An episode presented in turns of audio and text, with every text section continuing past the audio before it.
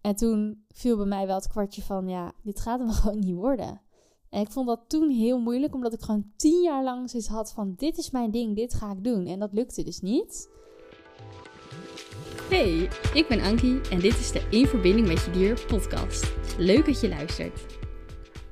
Superleuk dat jullie weer luisteren naar een nieuwe aflevering. Vandaag heb ik een onderwerp voor jullie wat ik zelf heel interessant vind en ehm, wat ik ook heel inspirerend vind van dieren. En waarvan ik ook denk dat ik, en misschien wel meer mensen, maar laat ik even voor mezelf spreken, dat ik er echt nog wel meer een, een voorbeeld uh, aan mag nemen. Vandaag wil ik het namelijk met jullie hebben over acceptatie. Het is wel leuk, want um, ik kwam, kwam hierop omdat ik uh, naar mijn cavia's aan het kijken was. Die, ik heb vier cavia's en die staan bij mij, of die wonen bij mij in een heel mooi ruim hok in de woonkamer. En toen dacht ik, jongen, het is eigenlijk wel heel bijzonder dat jullie zo, zo goed alles kunnen accepteren.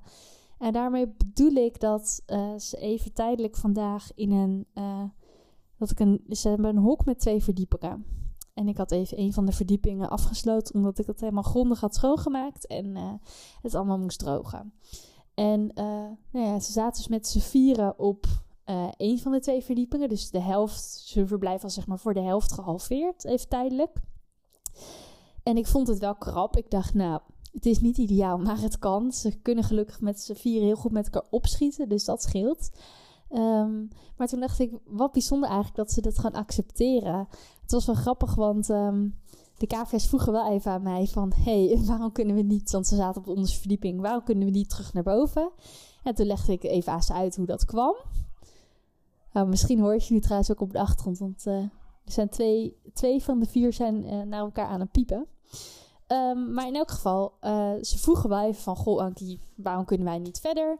En ik legde dat uit. En toen hadden ze iets van, nou ja, oké, dan leggen we ons erbij neer, want we kunnen er niks aan veranderen.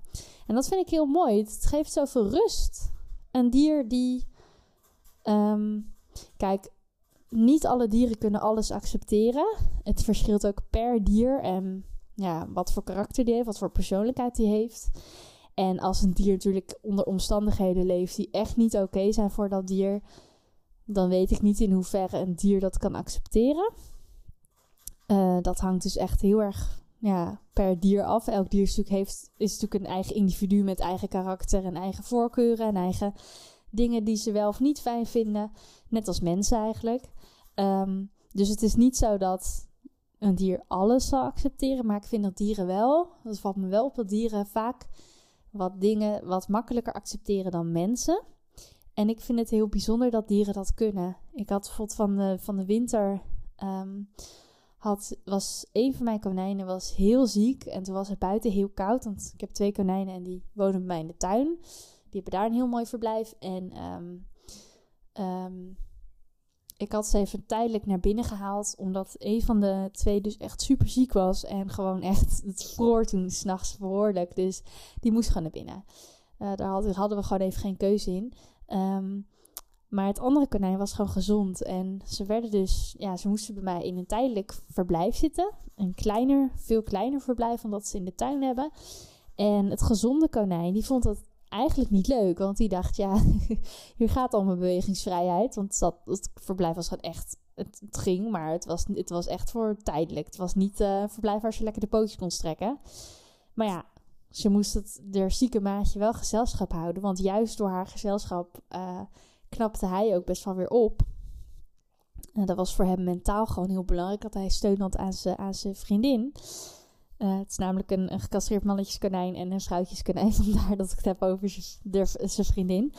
Um, maar um, het gezonde konijn accepteerde dat toen. Die had zoiets van: oké, ik doe dit voor het andere konijn. En uh, ik ben er gewoon bij. Ik wil er ook bij zijn.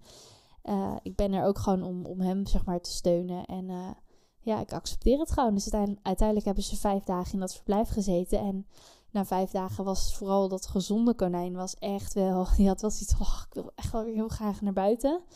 Uh, en het konijn wat ziek was geweest, die, uh, die voelde zich toen gelukkig steeds beter. Dus die kon uh, ook weer naar buiten.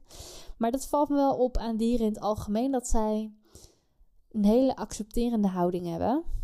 En dat ze ja, er straalt, straalt heel veel rust vanuit. Dat vind ik heel inspirerend, want ja, soms kun je dingen niet veranderen. En wij mensen zijn gewend om alles te willen controleren en naar onze eigen hand te zetten. En dat heeft heel veel voordelen. Want als je dan bijvoorbeeld een doel hebt, ja, dan ga je er ook echt voor. En dan neem je het heft in eigen handen en dan zeg je, nou, hupsakee, ik ga dit gewoon even uh, fixen. Ik ga dit gewoon doen, klaar. Ehm, maar soms is het denk ik ook mooi om, uh, als je iets niet kan, kunt veranderen, om de situatie te accepteren zoals die is. En komt bij mij in één keer de vraag naar boven: ja, maar Ankie, hoe doe je dat dan? Ik zit even na te denken: ja, wat is handig? Hoe kun jij een situatie accepteren die, um, die je niet leuk vindt, die je niet fijn vindt? Nou, het doet me eigenlijk denken aan, uh, dat bedenk nu ter plekke, dat doet me eigenlijk denken aan een uh, ervaring uh, die ik eerder heb meegemaakt. Ik wou namelijk vanaf dat ik zes jaar was dierenarts worden. En ik heb tien jaar lang die droom uh, gehad, dus tot mijn zestiende. Uh, en dat, was, ik, dat wou ik gewoon super graag, want ik had toen al die klik met dieren. En ik had gewoon zoiets van, toen ik zes was, van oké, ik wil dieren helpen. Hoe kan ik dat het beste doen? Nou ja, door dierenarts worden. Dat was eigenlijk het eerste beroep wat toen in me opkwam. En ik dacht, nou oké, dan ga ik dat doen. Maar in mijn uh, middelbare schoolperiode kwam ik er wel achter dat ik, nou ja, dat wiskunde, natuurkunde, scheikunde, al die vakken, ja, dat zijn gewoon niet mijn sterke punten. Ik heb heel veel andere talenten, maar dat is gewoon niet, dat, ja, daar zijn mijn hersenen gewoon niet voor gemaakt. En dat is, nu vind ik dat echt helemaal oké. Nu denk ik zelfs dat het goed is, want als ik, stel dat ik nu dierarts was geweest, was geworden en ik had ontdekt dat ik uh, met dieren kon communiceren telepathisch, dan had mes, dat mijn werk misschien ook wel ingewikkelder gemaakt. Omdat ik dan dus, nou, ik, ik, zou me zo kunnen voorstellen dat ik dan behandelingen had moeten uitvoeren bij een dier die misschien wel heel veel pijn deden. En dat dat dier dan tegen mij zei: hey, waarom, doe je, dit? Waarom, dit doet zoveel pijn. Aan de andere kant had het mijn werk misschien ook makkelijker kunnen maken. Maar goed, ik ben geen dierenarts geworden. En dat is oké. Maar op het moment dat ik dus 16 was en me realiseerde van... hé, hey, het gaat echt niet lukken. Terwijl ik al in... Uh, ik zat toen in de vierde klas van het VWO. Nee, in de, nee, ik zat in de derde klas van het VWO. En toen ben ik dus nog naar de HAVO gegaan. Omdat het dus uh, met die vakken die ik moeilijk vond... dat lukte niet op VWO-niveau. Dus heb ik het nog op HAVO-niveau geprobeerd. Maar dat ging ook niet. En toen viel bij mij wel het kwartje van... ja dit gaat hem gewoon niet worden. Um, en ik vond dat toen heel moeilijk, omdat ik gewoon tien jaar lang zoiets had van: dit is mijn ding, dit ga ik doen. En dat lukte dus niet. En ik zit even te denken hoe ik dat toen heb geaccepteerd. Ik denk dat ik op een gegeven moment, na een tijd, dat was echt niet gelijk, maar na een tijd begon ik wel de voordelen ervan in te zien. Want uh, toen ik dus die continu die vakken die ik zo moeilijk vond probeerde te begrijpen en daar um, allemaal bijlessen voor volgde en heel veel moeite voor deed, toen um, liep ik ook heel erg op mijn tenen en ervoer ik heel veel druk. En het eerste wat me toen opviel toen ik dus, nou ja, ik was wel heel teleurgesteld, maar toen dus bij mij besef kwam van ja, dit gaat hem niet worden en ik mijn droom dus moest opgeven, um, ja, toen viel er wel een enorme last van mijn schouders. Dus dat was al het eerste voordeel. Dus ja, misschien is dat een tip voor jou of nou ja, voor iemand die luistert, is vast iemand die dit uh, moet horen. Um, kijk naar de voordelen van dat het niet is gelukt of niet doorgaat. Of dat er iets is wat je niet fijn vindt, maar wat je wel um, mag gaan accepteren. Kijk naar de voordelen ervan. Van de situatie. En wat ook een hele belangrijke is: vergeet niet om je emotie te erkennen. Want op het moment dat jij ergens heel erg van baalt of heel verdrietig van bent of er echt even boos van bent gewoon of teleurgesteld, dat mag. Weet je, je hebt niet voor niks een droom en, en, dat lukt dan niet. En uh, of je moet iets opgeven of weet ik wat. Dat is natuurlijk op allerlei acceptatie is natuurlijk een thema wat in allerlei situaties naar voren kan komen. Maar op het moment dat jij merkt van ja, ik vind het gewoon super moeilijk, dan is dat oké. En dan mag dat. Ik bedoel, geef jezelf ook een beetje de ruimte om, om die emotie even te ervaren. En voel hem gewoon. Voel hem. En ja, ik zeg gewoon, want voor mij is het inmiddels gewoon. Maar ik weet dat het niet voor iedereen gewoon is om je emoties echt te voelen. Maar als je je emoties echt voelt, dan gaat je dat gewoon heel veel rust brengen. Dus doorvoel hem gewoon, laat hem er gewoon zijn. En hij gaat vanzelf weer weg. Die emoties, en dat is leuk met emoties. Emoties, energie en beweging. Dus emoties komen en emoties gaan. En ze zijn altijd tijdelijk. Dus uh, voel je emotie, laat hem er zijn. En als je emotie is geweest je hebt het kunnen loslaten, dan kun je gaan kijken: hé, hey, wat zijn eigenlijk de voordelen van deze situatie? En hé, hey, wat levert het me eigenlijk op dat ik. Um, ja, dat het niet is gegaan zoals ik wou. En dat vind ik dus het bijzondere aan dieren. Kijk, ze accepteren heus niet alles. Ze hebben ook hun grenzen. Maar ze hebben wel een heel, in het algemeen vind ik, dieren een hele accepterende houding hebben. Het fijne is ook aan dieren, en dat is ook denk ik waarom ik en ook veel andere mensen zich veilig voelen bij dieren, is doordat ze uh, doordat dieren uh, mensen onvoorwaardelijk accepteren. En dat is iets wat ik ook in mijn werk doe.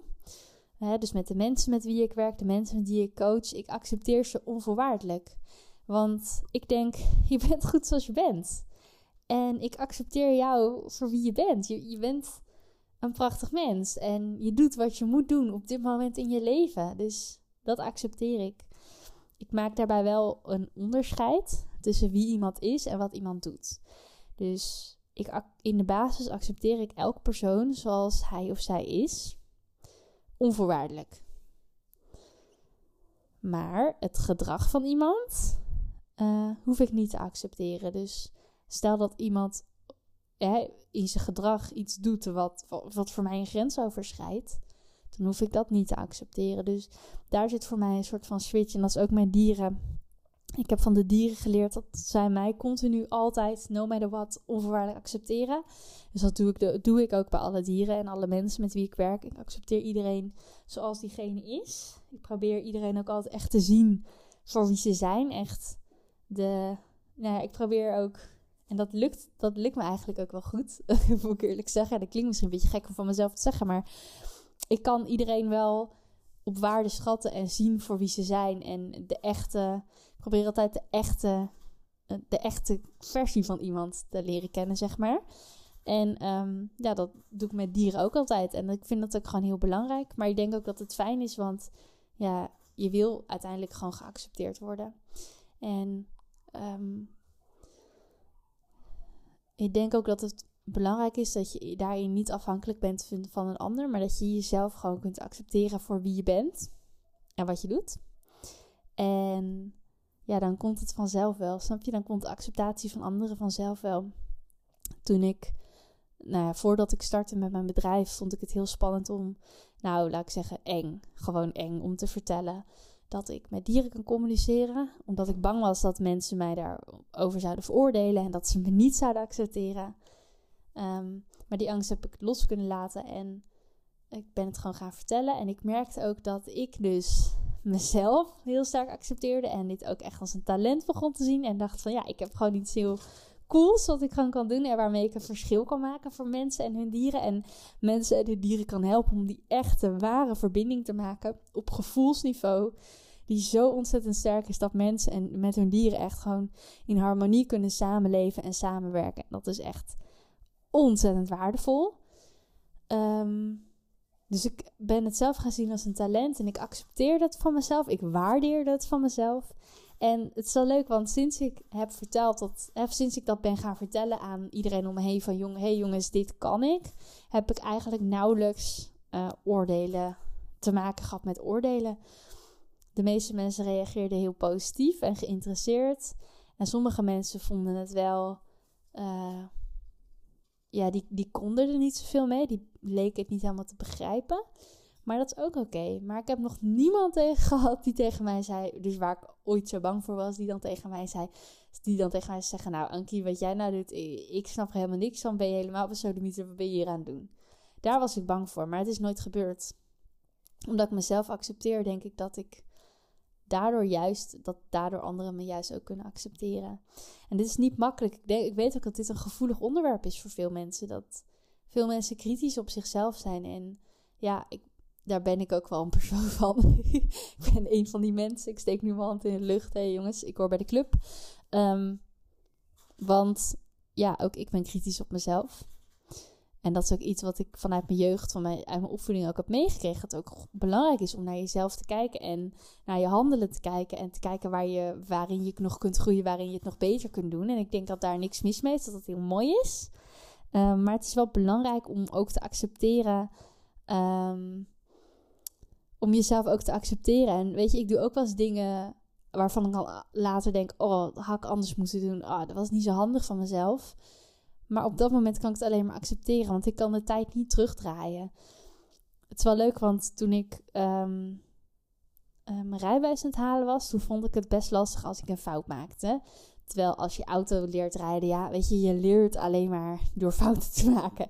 Je maakt, voor de mensen die rijbewijs hebben, die herkennen dit vast. Je maakt 10.000 fouten elke autorijles. Ja, dat hoort er gewoon bij. Dat is helemaal oké.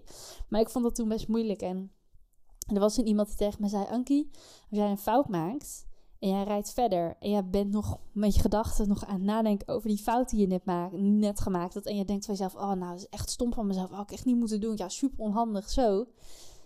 Dan word je onzeker en dan blijf je juist meer fouten maken. Dus hij zei: um, Ankie, je maakt een fout.